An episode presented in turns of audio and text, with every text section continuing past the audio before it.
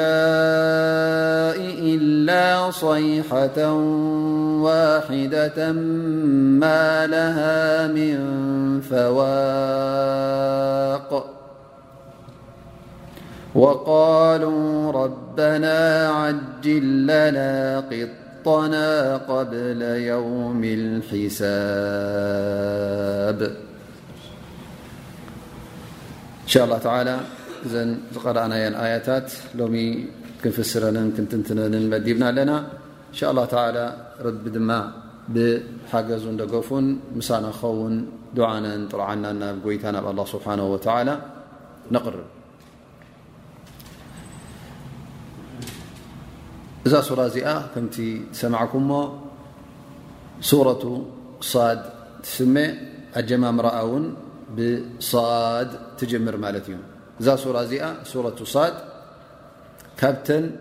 ኣብ መካ ዝወረዳ ሱራ ቅድሚ ነቢና ሙሓመድ صለ ላሁ ለ ወሰለም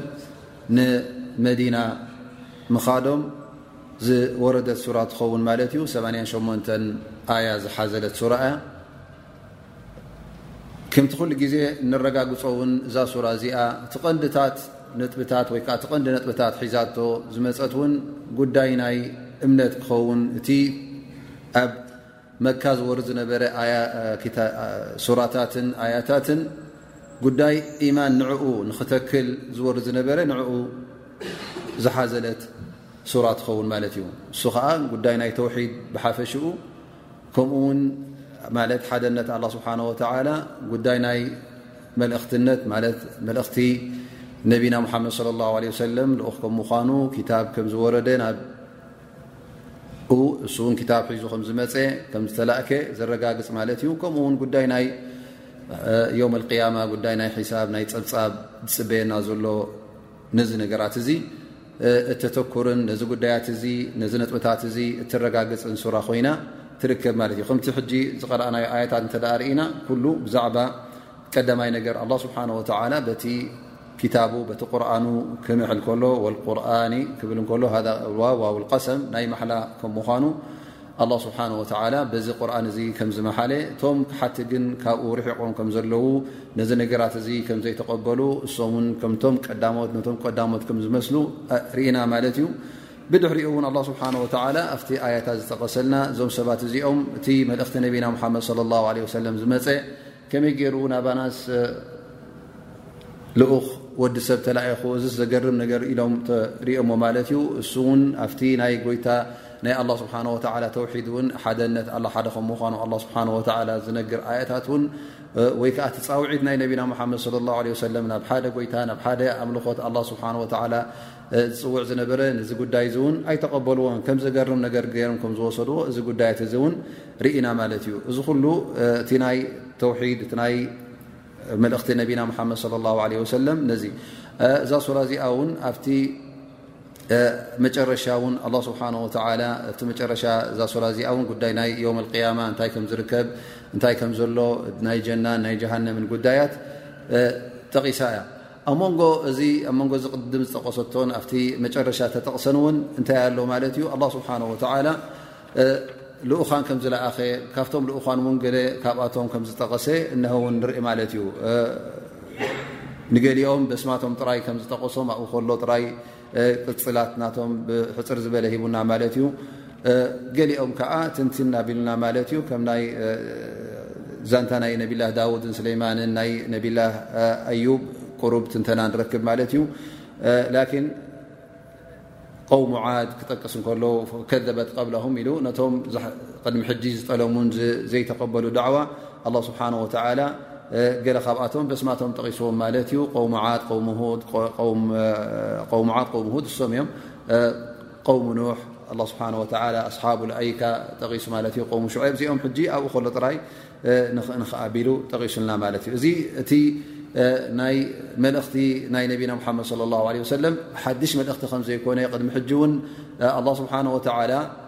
መልእኽቲ ልኢኹ ነይሩ እሞ እንታይ ደገርም ኣለዎ ዩ ሓድሽ ነገር መዓስ ኮይኑ ኢሉ ኣላ ስብሓን ወተዓላ ንኸብርሃሎም ነዞም ሙሽርኪን እዚኦም ንኹሉ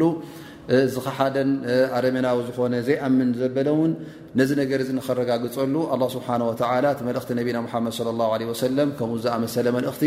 ኣብ ታሪክ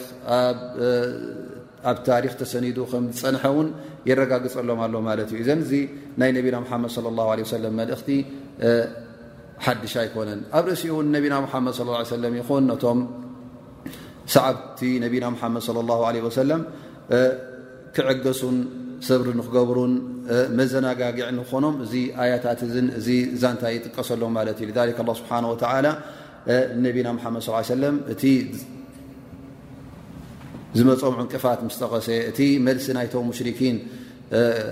እቲ ንጸግታ ናይቶም ክሓቲ ምስ ጠቐሰ ኣላ ስብሓን ወላ ነቢና ሓመድ ስ ሰለም እንታይ ይብሎ ማለት እዩ እብር እስብር ዓላ ማ የቁሉና ወذኩር ዓብደና ዳውድ ዘልኣይዲ እቲ ሰብሪ ውን ትትዕግዝትን ኣድላይ ከም ምኳነ ቅድሚ ሕጂ ውን ኣድላይ ከም ምኳኑ ቅድሚ ሕጂ ውን ቶም ኣንብያ ቅድሚካ ዝነበሩ ያ ሙሓመድ ንኦም ዘኪረልካ ዛንትኦም ዝትፈልጥ እንዲኻ ዛንትኦም እተ ርእኻ ውን ትዕግስቲ የድልዮም ነሩ እቲ ዘጓኖፎም ኩሉ ብትዕግስትን ሰብርን እዮም ሓሊፎም ሞ እስኻ ውን እቶም ምሳኻ ዘለዉ ውን ትዕግስትን ሰብርን ክገብሩ ኣለዎም ኣብ መጨረሻ ከምቲ ኩሉ ግዜ እነብርሆ እቲ ዓወት ንመን እዩ ነቶም ኣመንቲ ብኣላ ስብሓን ወተዓላ ዝኾኑ ነቶም ፈራሃት ረብን ነቶም ትእዛዝ ኣላ ስብሓን ወተዓላ ዝተቐበሉን ናይቶም ሰዓብቶም ከም ምዃኑ እነሀ ኣላ ስብሓን ወተዓላ ንነቢና ሙሓመድ ስ ሰለም ይኹን ነቶም ሰዓብቲ ነቢና ሙሓመድ ስለ ላ ለ ሰለም በዚ ኣያታት ገይሩ ኣብቲ እዋን እቲ ኣብቲ ግዜ ፅበት ዝነበረ ኣብ መካ እቶም ሙሽርኪን ዘሸግርዎም ዝነበረሉ እዋን ኣላ ስብሓን ወተዓላ ከምዚ ገይሩ የዘናጋግዖም ነይሩ ማለት እዩ እዚ ተረኺቡ ዘሎ ሓድሽ ከም ዘይኮነ እዚ ዳዕዋ ዝገብር ሰብ ናብ ሓድሽ ዲን ናብ ፅኑዕ ዲን ናብ ቅኑዕ ዲን ዝፅውዕ ኩሉ ግዜ ኣነስ ኣብ ቅኑዕ እንድየ ዘለኹ ኣብ ኣላ ስብሓን ወተዓላ ዝፈትዎ እንድየ ዘለኹ እሞ ስለምንታይ ዝዕንቅፋታት ይረኽበኒ ኣሎ ምእንቲ ከይትብል እነሀ ኣላ ስብሓን ወተዓላ በቶም ዛንታ ናይቶም ቀዳሞት ኣንቢያ ገይሩ ብዛንታ ነቢና ሙሓመድን ሰዓብቶምን ገይሩ የርእካ ኣሎ ማለት እዩ እሞ እቲ ጉዳይ ጉዳይ ናይ ጀና ስለ ዝኾነ እዚ መገዲ ጀና ከዓ ተፀሪጉ ኣይኮነን ክፀንሓካ እንታይ ደኣ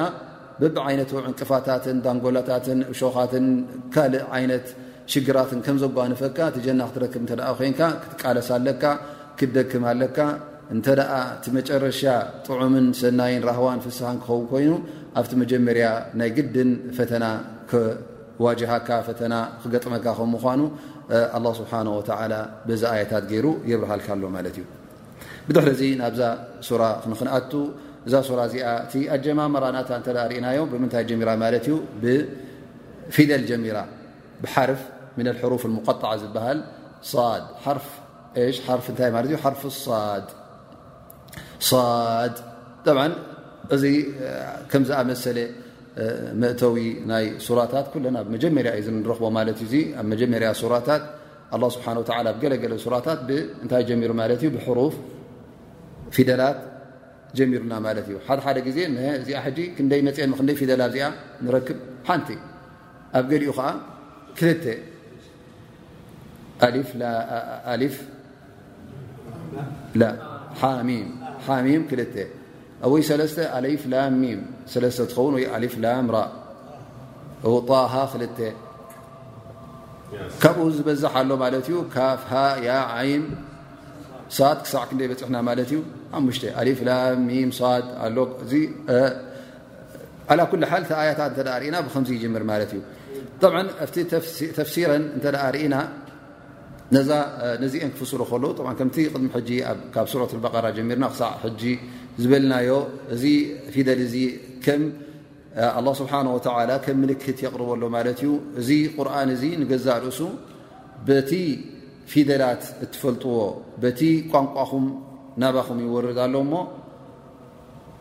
ንዕኡ ዝመስል ከምኡ ዝኣመሰለ ቁርን ፈፂምኩም ክተምፅኡ ኣይትኽእሉን ኢኹም ኣ እዚ ቁርን እዚ ወላ ውን በቲ ቋንቋኹም በቲ ትርድእዎ ቋንቋ ኣላ ስብሓን ወተላ መሪፁ የውርዶ ዳኣ እምበር ወዲ ሰብ ዝኽእሎ ኣይኮነን እቲ ሒዝዎ መፅኡ ዘሎ እዚ ኣያታት እዚ ተኣምራት እዚ ኣያታት እዚ ዝሕብሮ ዘሎ ዝርእዮ ዘሎ ኩሉ ፈፂምኩም ንስኹም ከምኡ ዝኣመሰለ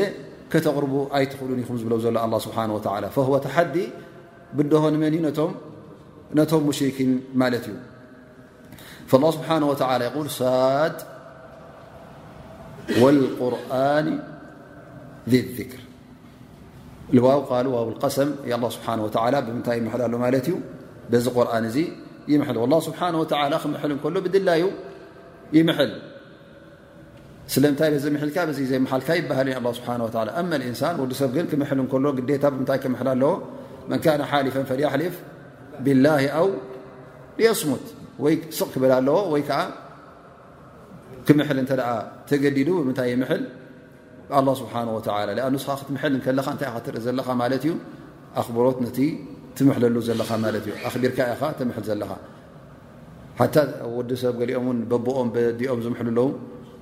በቦይ ይኾነኒ ወይ ከዓ በደ ይኾነኒ ክብል ከሎ እዚ እንታይ ንእታይ ዘርኢ ዘሎ ማለት እዩ ዓማ ወይ ከዓ ክብሪ የርኢ ኣሎ ማለት ዋ ኣም እቲ ዝኸበረ ዓማ ወይ ከዓ ዝለዓለ ደረጃ ናይ ክብሪ ዘለዎ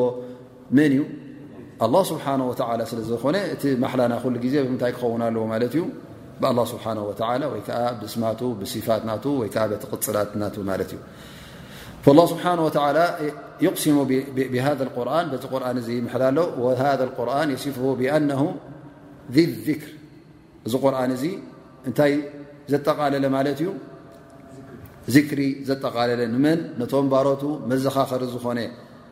ንዕኦም ጥቕሚ ዝጠቕሞም ካብ ጉድኣት ዘርሕቆም ኣብ ኣዱንያኦም ኣብ ኣኼራኦም ዝኸውን ነገራት ንዕኡ ሒዙሎም ዝመፀ ቁርን መዘኻኸሪ ዝኾነ ናብ ኼር ናብ ጀና ናብ መገዲ ሰናይ ዝመርሕ ቁርን ከም ምዃኑ ኣላ ስብሓን ወተዓላ ይጠቅስ ኣሎ ማለት እዩ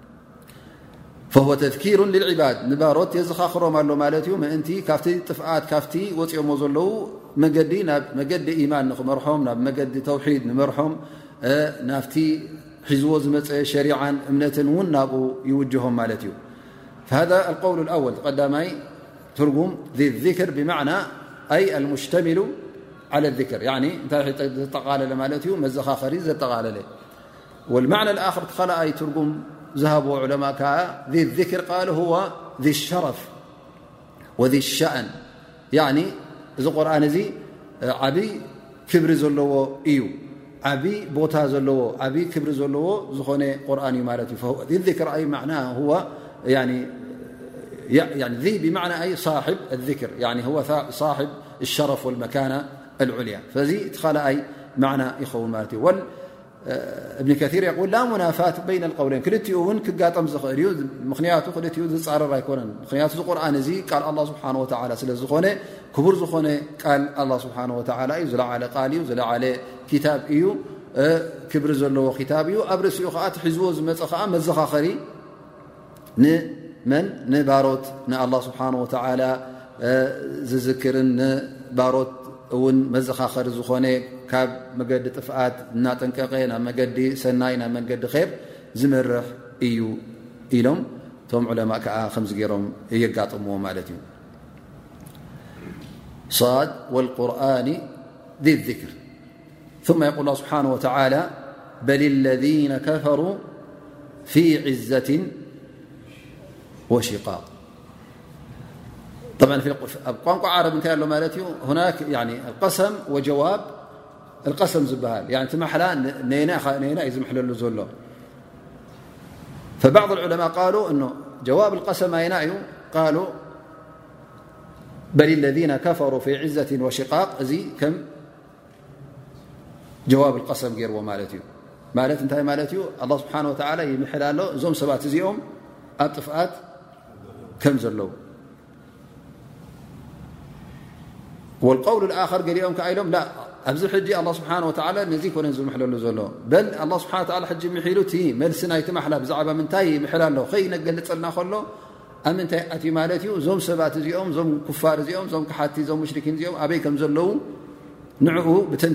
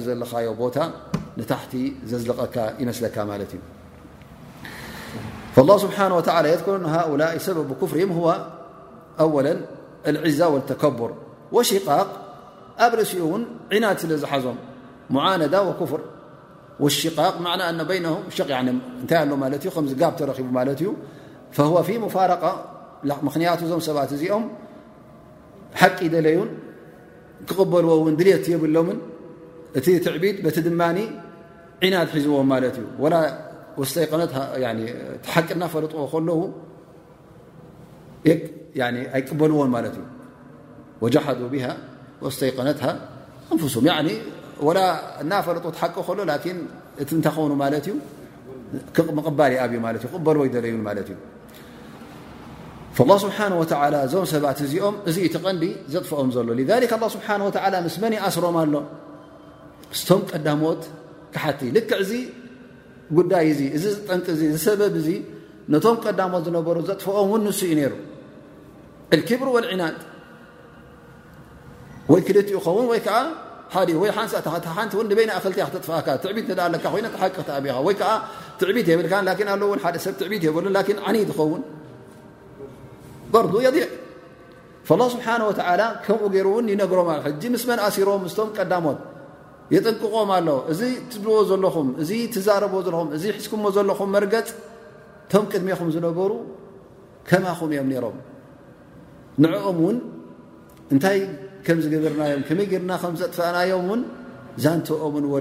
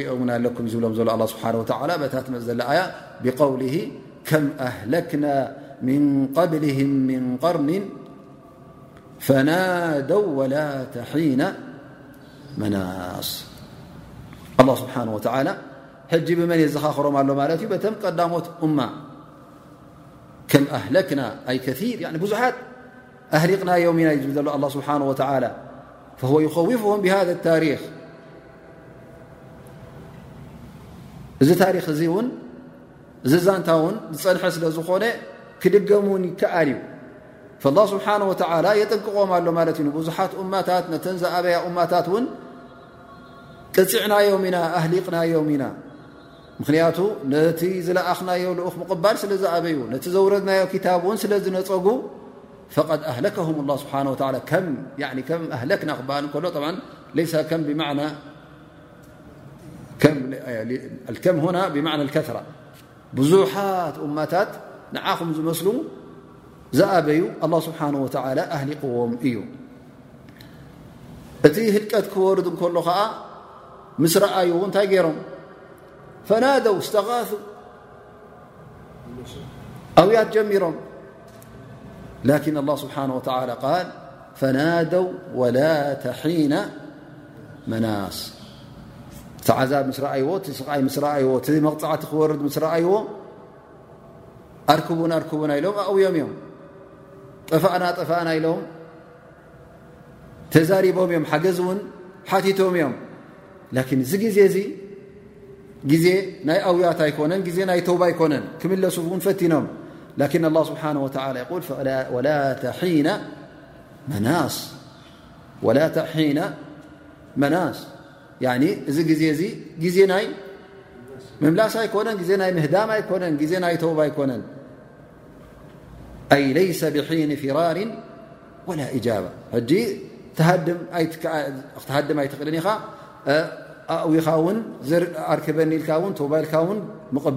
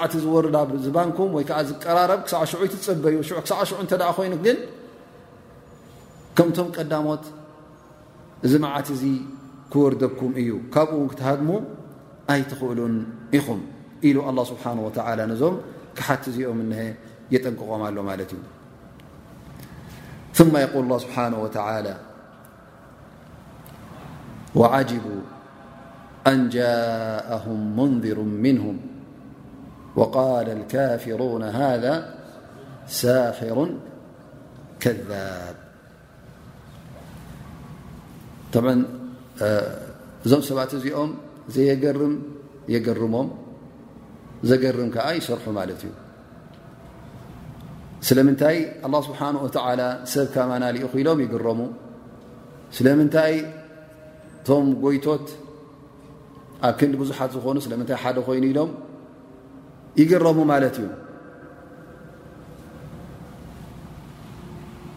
እዚ ሕጂ ዘገርም ኮይኑ ርእዎ ኣለዉ ማለት እዩ ፈኢዘ እዞም ሰባት እዚኦም እቲ ዘየገርም የገርሞም ኣሎ ስርሖም ግን ዘገርም ንሱ እዩ እቲ ብሓቂ እተ ርእኻ እንተ ብዓቕሊ ርኢኻዮ ስርሖም ሱ የገርም ማለት እዩ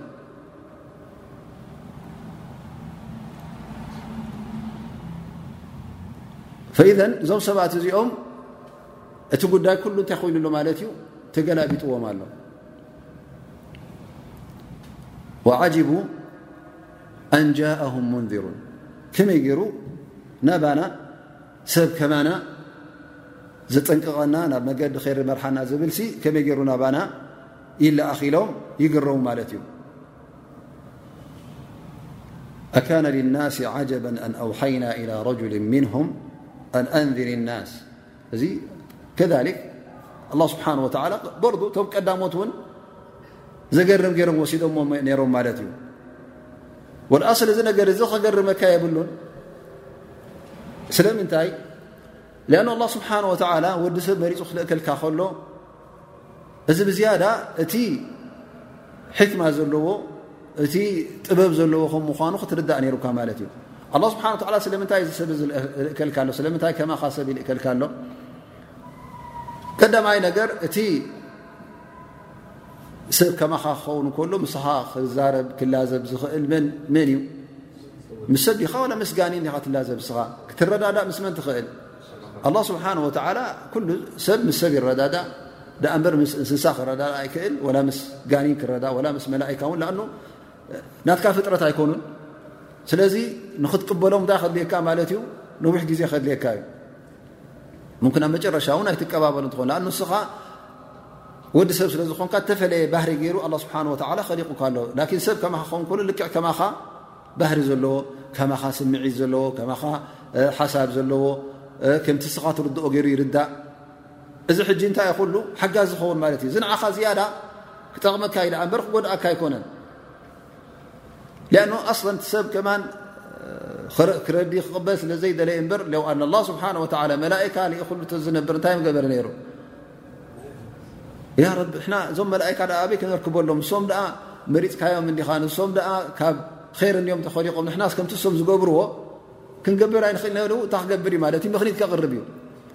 فلذلك እዚ ሰብ እዚ እዚ እዚ ተላኢኹ ዝመፅእ ዘሎ ንምንታይ እዩ እቲ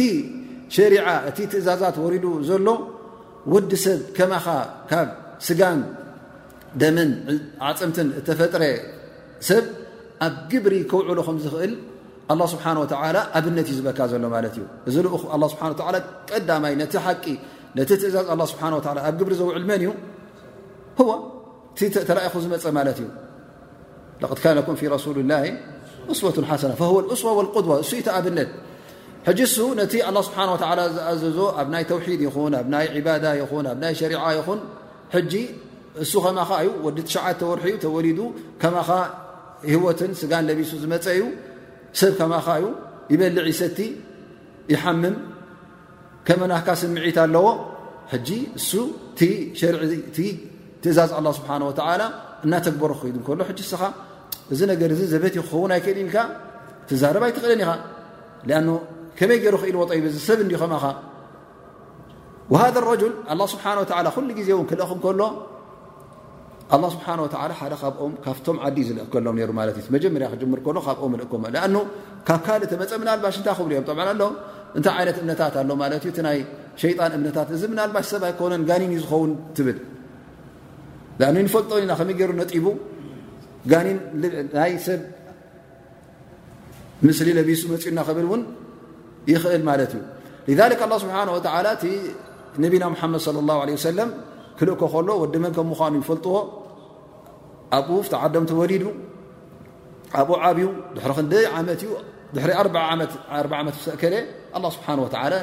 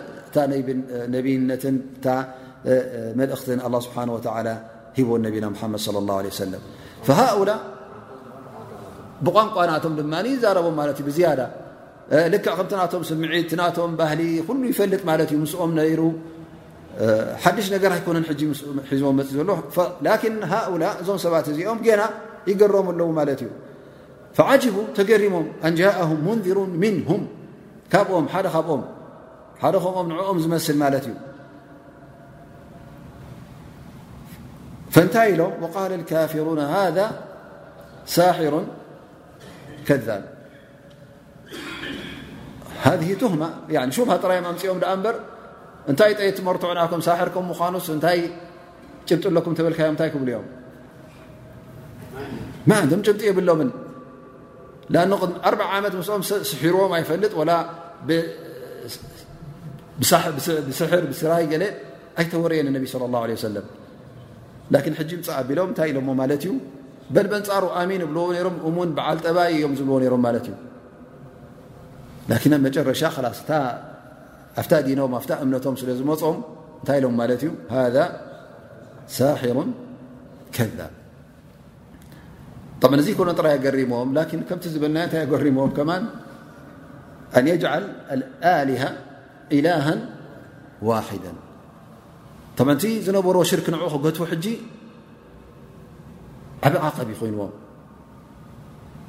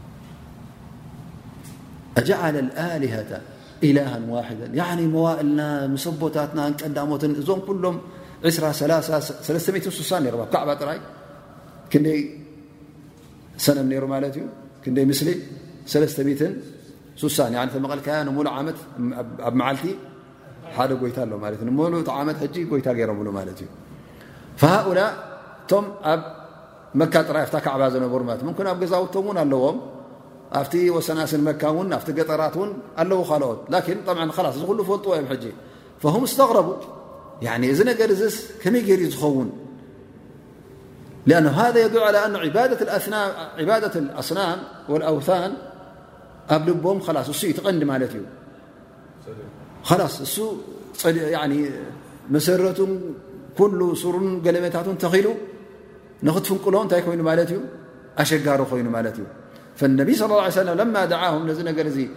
ግደፍዎ ምስ በሎም ዝፃውዒት እዚ ምስ መፀ ፈፂሞም እቲ ጉዳይ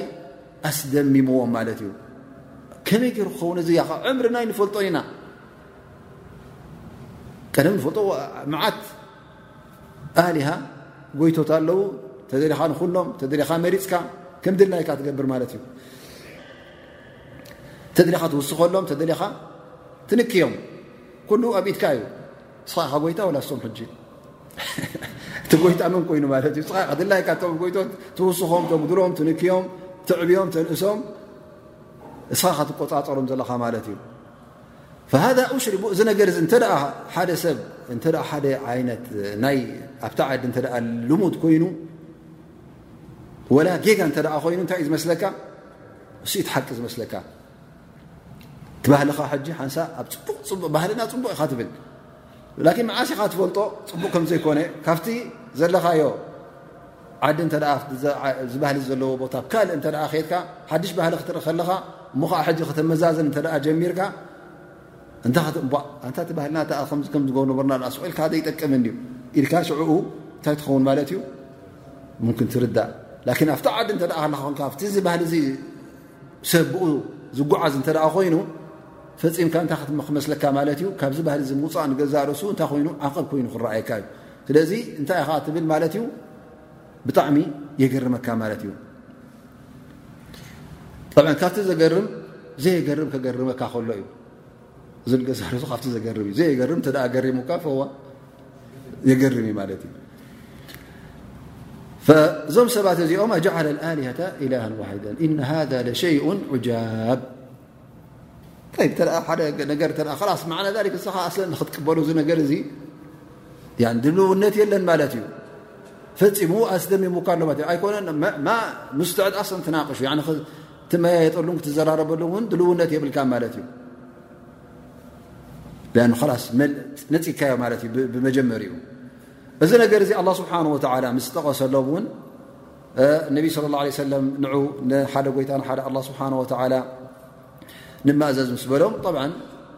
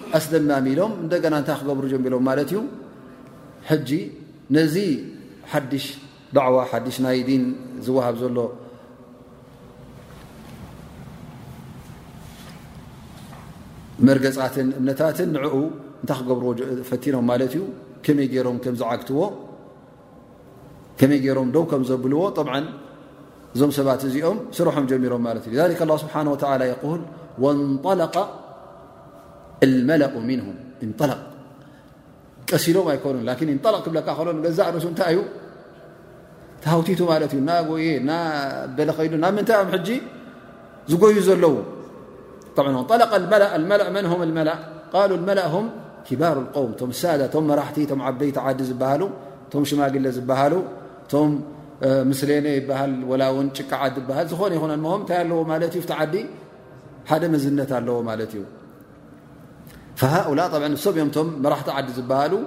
ንሶም ከዓ እዮም ኩሉ ግዜ ነቲ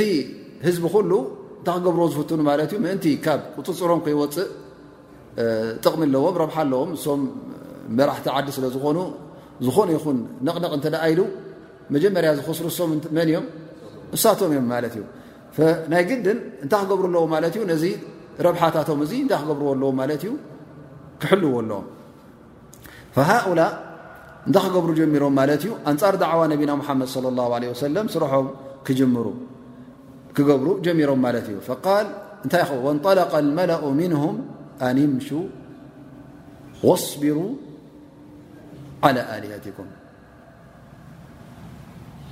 እዞም መላእ ዝበሃሉ እዞም መራሕቲ ዓዲ ዝበሃሉ እንታይ ክብሉ ጀሚሮም ማለት እዩ ኣንቱም ሰባት ኣብቲ ዘለኹምዎ ደኣ ቀፅሉ ኢኹም ወስቢሩ እቲ ሕዝኩምዎ ዘለኹም ከዓ ሰብሪ ጌርኩም ትዕግዝቲ ሓዝዎ ኢኹም ኣይ ላ ትፋሪቁ ንዑ ደኣ ቀጣብሉ ኢኹም ወስቢሩ ዓላ ኣሊሃትኩም እቶም ጎይቶትኩም እቶም ብዙሓት ጎይቶትኩም ኣይትግደፍዎም ኢኹም ወላ ተስተሚዑ ፈፂምኩም ነዚ ነገር ዝበሃል ዘሎ እውን ነቲ ሙሓመድ ዝብለኩም ዘሎ ኣይትስምዕዎ ኢኹም እዚ ሓደ ጎይታ ኣምልኹ ዝበሃል ዘሎ ሰሚዕና ይንፈልጥ ኢና ካበይ ከም ዝመፀ እዚ እውን ሓቂ ኣይኮነን በል ኣضፉ እንታይ ክብሉ ጀሚሮም ማለት እዩ እነ ሃذ ለሸይء ዩራድ እዚ መሓመድ ወይ ከዓ እዚ ዝብለና ዘሎ ልኡኽ ጎይታ እየ ዝብል ዘሎ ናብ ተውሒድ ናብ እምነት እየ ዝፅዋዓኩም ዘለኹ ላላ እዙስ ካልእ መቕሰድ ኣለዎ ካልእ ድልት ኣለዎ ናይ ግዲ እንታይ ክእትው ኣለዎ ማለት እዩ መጠራጠሪ ክደልዩ ኣለዎ ማለት እዩ እሱ እዚ ሰብ እዚ ዳዕዋ ዝገብረልኩም ዘሎ ናብ ጎይታ ናብ ሓደ ጎይታ ክመርሓኩም ኣይኮነን ዝሓስብ ዘሎ ላኪን እሱ ካልእ ተጠዋዋይ መንገዲ እዩ ዝጥቀም ዘሎ ነብሱ ዝደለዮ ክብርን ነብሱ ዝደለዮ ሽመትን መዝነትን ስለ ዘሎ እዩ ደኣ እምበር ሕጂ ናብ ምንታይ መፅኦም ማለት እዩ ኩሉ ግዜ ሰብ ፀላኢኻ እንታይ እዩ ዝገብር ማለት እዩ ወላ ናብ ኸር ክትፅውዖ ከለኻ ሕጂ እንተ ነታ ዳዕዋናካ ነታ ትብላ ዘለካ ሓቂ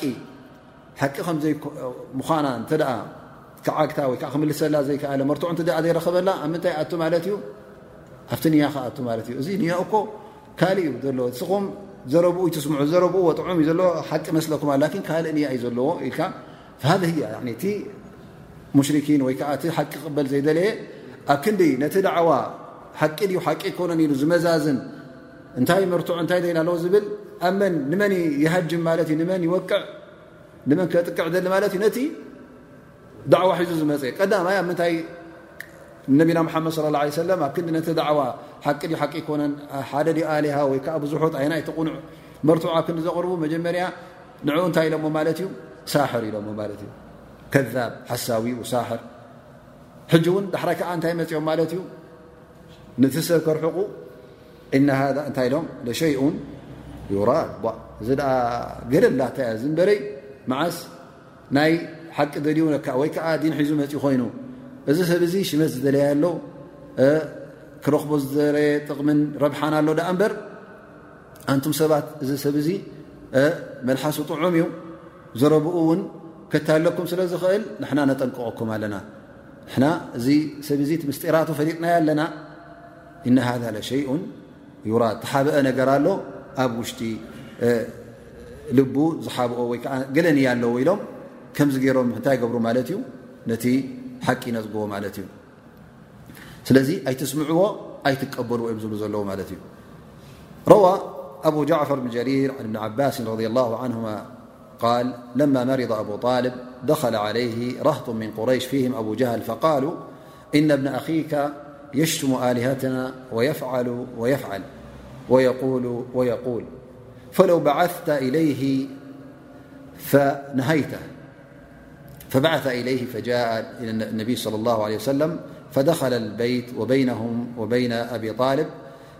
قدر مجلس رجل قال فخشي أبو جهل لعنه الله إن جلس إلى جنب أبي طالب أن يكون أرق له عليه فوثب فجلس في ذلك المجلس ولم يجد رسول الله صلى الله عليه وسلم مجلسا قرب عمه فجلس عند الباب أفقال أبو طالب أي ابن أخي ما بال قومك يشكونك ويزعمون أنك تشتم آلهتهم وتقول وتقول قال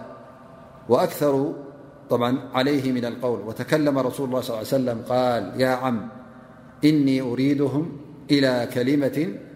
واحدة يقولونها تدين لهم بها العرب ويؤدي إليهم بها العجم الجزية ففزعوا لكلمته ولقوله فقال القوم كلمة واحدة نعم وأبيك عشرا فقالوا وما هي وقال أبو طالب وأي كلمة هي يا ابن أخي قال صلى الله عليه وسلم لا إله إلا الله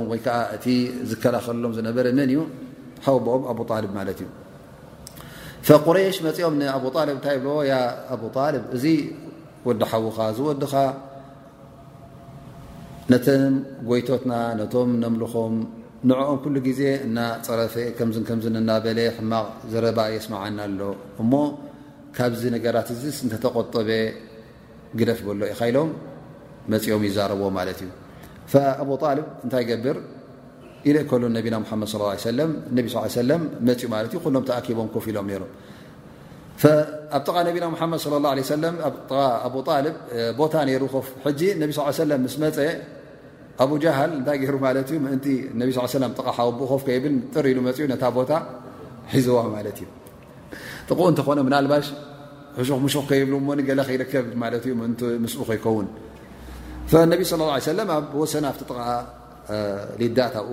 ኮፍ ኢሉ ማለት እዩ ይብሎ ሓው ብኡ ያ ቡነይ እንታ ወደይ እንታይ እዮም ዝብሉ ዘለዉ እዞም ሰባት እዚኦም ይጠርዑኻ ኣለዉ እንታይ ኢኻ ጌርካ እሞ እስኻ እቶም ጎይቶት ኩሉ ግዜ ትፀርፈሎም ንጎይቶቶም እናበሉ ይዛረቡን ኣለዉ ከምዝን ከምዝን እናበሉ መቸም እቲ ዝጠርዕዎ ዘለዉ ብዛዕባኡ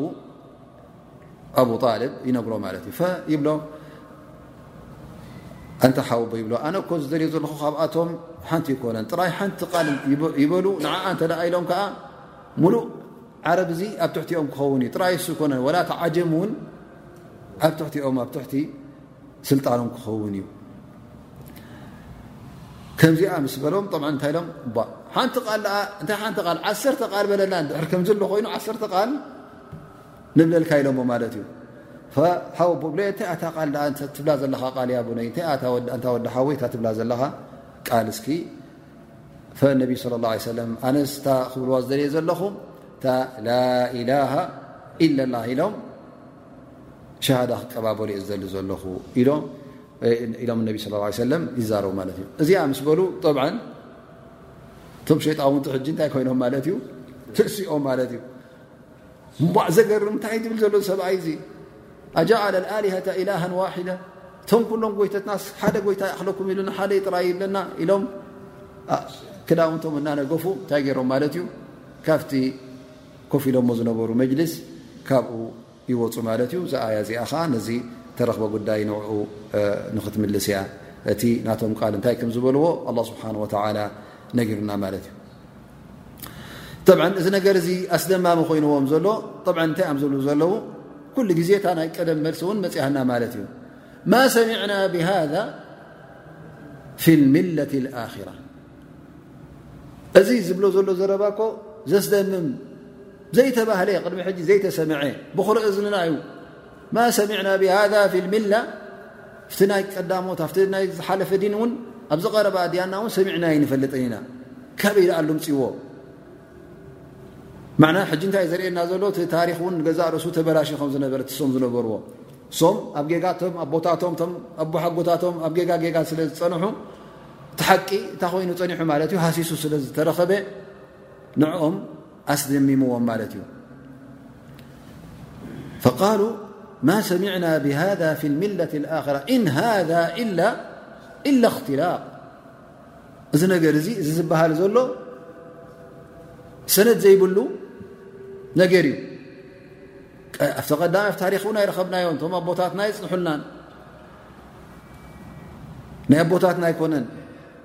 ኢሎም ይነፅግዎ ኣለዉ ማለት እዩ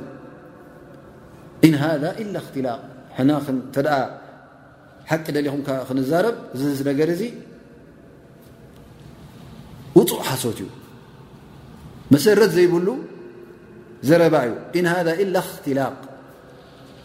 ክተለቀኹ ክትብል ከለኻ ካብ ምንታይ ተላዒሉ ማለት እዩ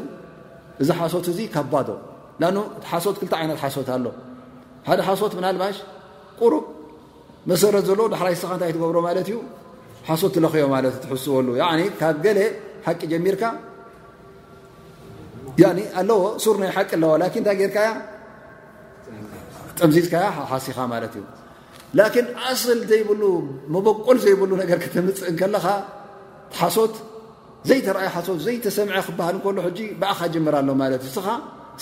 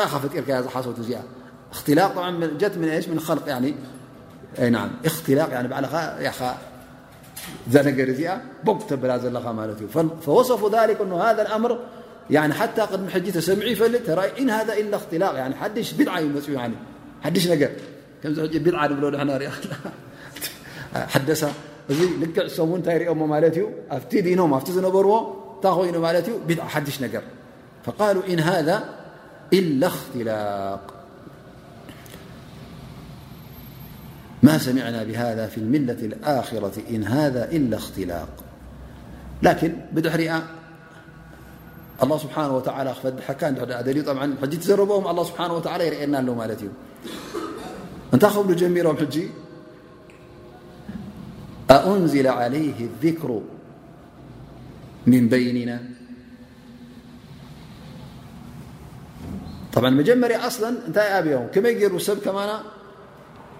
ልኡኽ ይኸውን ኢሎም ማለት እዩ ሕጂ እንታይ ሓሰድ ናቶም እቲ ሓደ ካብቲ ንኦም ምቕባል ወይ ከዓ ነቲ ሓቂ ዘይቐበሎም እንታይ ከም ምኳኑ ሕጂ ኣብቲ ዘረብኦም እውን ይረአ ኣሎ ማለት እዩ ፈንታይ እዮም ዝብሉ ዘለዉ ኣኡንዚላ ዓለይ ذክሩ ምን በይኒና ካብ ኩላህና ንሱ በሊፁ ድዩ ንኡ እሱ ተመሪፁ እቲ ቁርን ናብኡ ዝወርድ ስለምንታይ ስለምንታይ እንታይ ማለትም ሕጂ በዓል እከለ እከለ ዶ የለውን ክንዲ ዕድሚኦም እዚ ዶ ሽመቶም እዚ ንሕና ንሓይሽን ካብኡ መላ ሓሰድ መላ እንታይ ትዕቢት የርእካ ኣሎ ማለት እዩ ከመይ ጌርና ንሕና ሰዓብቲ ናቱ ንኸው ንሱ ሕጂ እተ ንሕና ኣሚና ሎ ነቢ ከም ምኳኑ እንታይ ማለት እዩ ንሱ ካባና ክበልፅ እዩ ሱ ንሕና ሰዓብቲ ክንከውን ኢና ኣቡ ጃሃል ነፍሰ ታይ ስለምንታይ ኣብ መንኡ ናብ መንጎቶ ማዕርኹን ሓንሳ ታሽ ምስ ኮነ ዘረባ ናይ ልቦም ተዛሪቦም ማለት እዩ ካብቲ ዝጠቐሶ እንታይ ኢሉ ኢሉ ያ ንሕና ቶም ስድራ ናይ መሓመድ ቤተሰቡ ንሶም ቀቢያት ኦም ኩሎም ሓደ ቁሬሽ እዮም ገለ ላኪን ኣሎ እንታይ እዩ ማለት እዩ ሕጂ ናይ ኣቦሓጎታት ካብቲኦም ቶም ዘርኢ ኦም ናይቲኦም ዘርኢ ኮይኖም እብል ንሕና ንሶምን ያኸ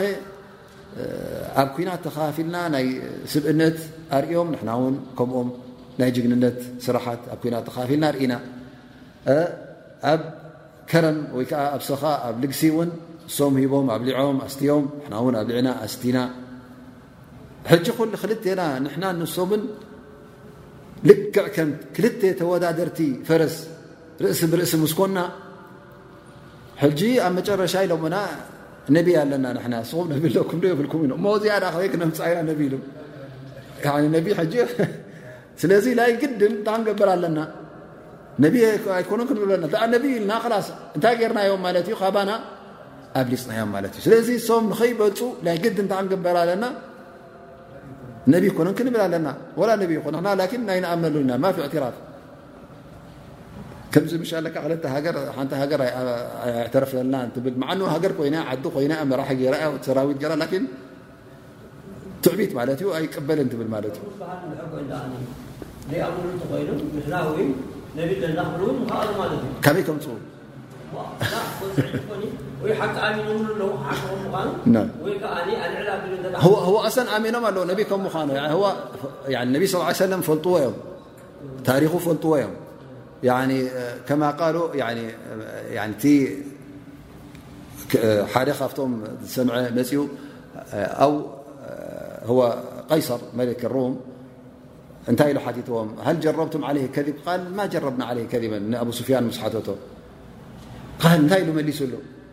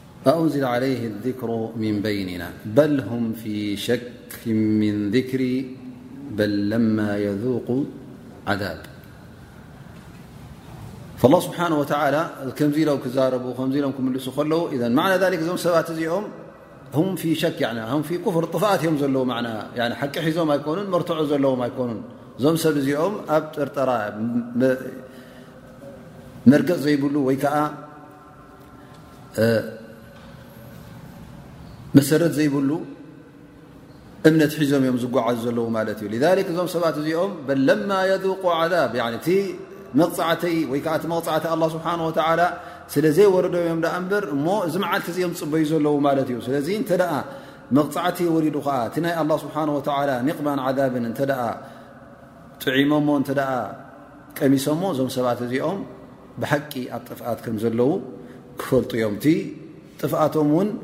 ከምዚ ዝረአ ዘሎ ዓብ ጥፍኣት ከም ምኳኑ ሽዑ ክፈልጡ እዮም የውም ቅያማ እዞም ሰባት እዚኦም ስለ ዝኸሓዱ እሞ ከዓ ምስ ኣላ ስብሓን ወላ ሽርካ ስለ ዝገበሩ እቲ መቕጻዕቶም መዋእል ኢሳተ ጀሃንም ስለ ዝኾነ እሞ ኸዓ እዚ ክሳዕ ዝወርዶም ወይ ከዓ እዚ እንተ ዝፅበዩ ኣለዉ ኮይኖም እዞም ሰባት እዚኦም እዘን ኣብ ጥፍኣት እዮም ዘለዉ ማለት እዩ ኢሉ ኣላ ስብሓን ወተላ ሕጂ መጠንቀቕታ ይህቦም ኣሎ ማለት እዩ ስለዚ ሽዑ ግን ኣይክጠቕሞምን እዩ ሽዑ ወላ ተኣመኑ እውን ወላ ተሒና መናስ ኢሉ ናይ ኣላ ስብሓን ወተላ ሽዑ ጣዕሳ ይጠቅም ወላ መህደሚ የለ ወላ እውን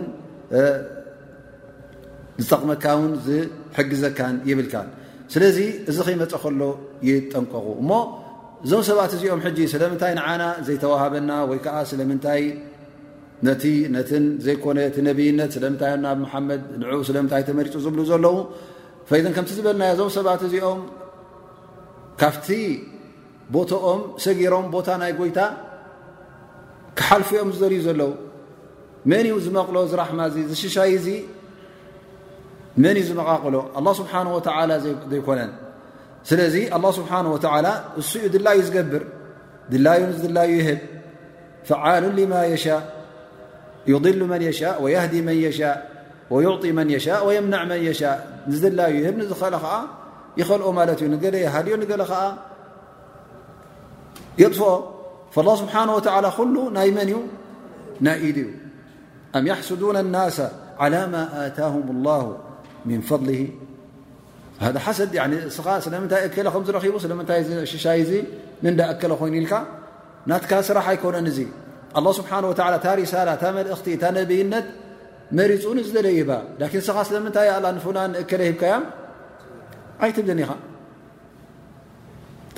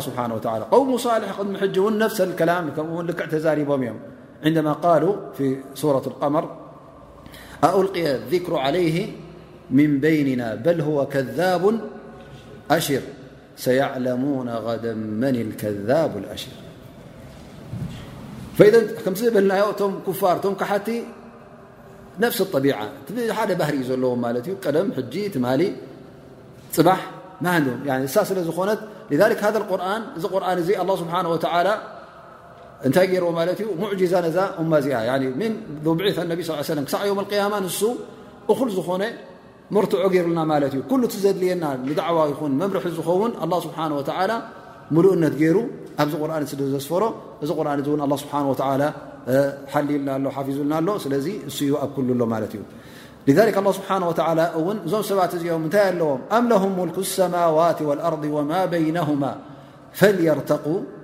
ፊ ኣስባብ ሰብ እንታይ ኮይኖም እዮም ሕጂ እከለ ስለምንታይ ተላኢኹ ስለምንታይ እቲ መልእኽቲ ናብ እከለ ዘይኮነ ኢሎም ዝዛረቡ ዘለዉ ሃል የምልኩነ ሸይአን ዝመልክዎ ነገር ኣለዎም ድዩ እዚ ነገር እዚ ሽሻይ እዚ እዚ ሓቂ እዚ እዚ ዝወሃብ ዘሎ ናይ ኣላ ስብሓን ወተዓላ ምልኪ ደይኮነን ሰማይን መሬትን ምልኪ ናይ መን እዩ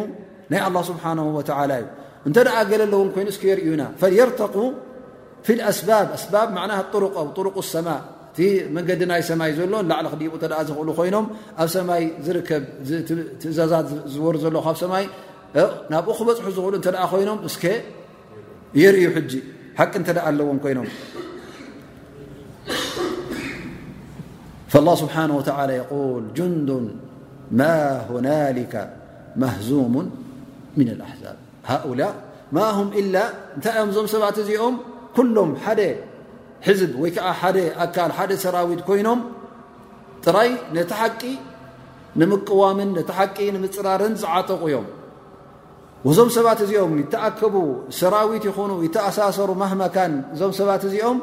ኣላ ስብሓን ወተዓላ መጨረሻ ይብሎም ኣሎ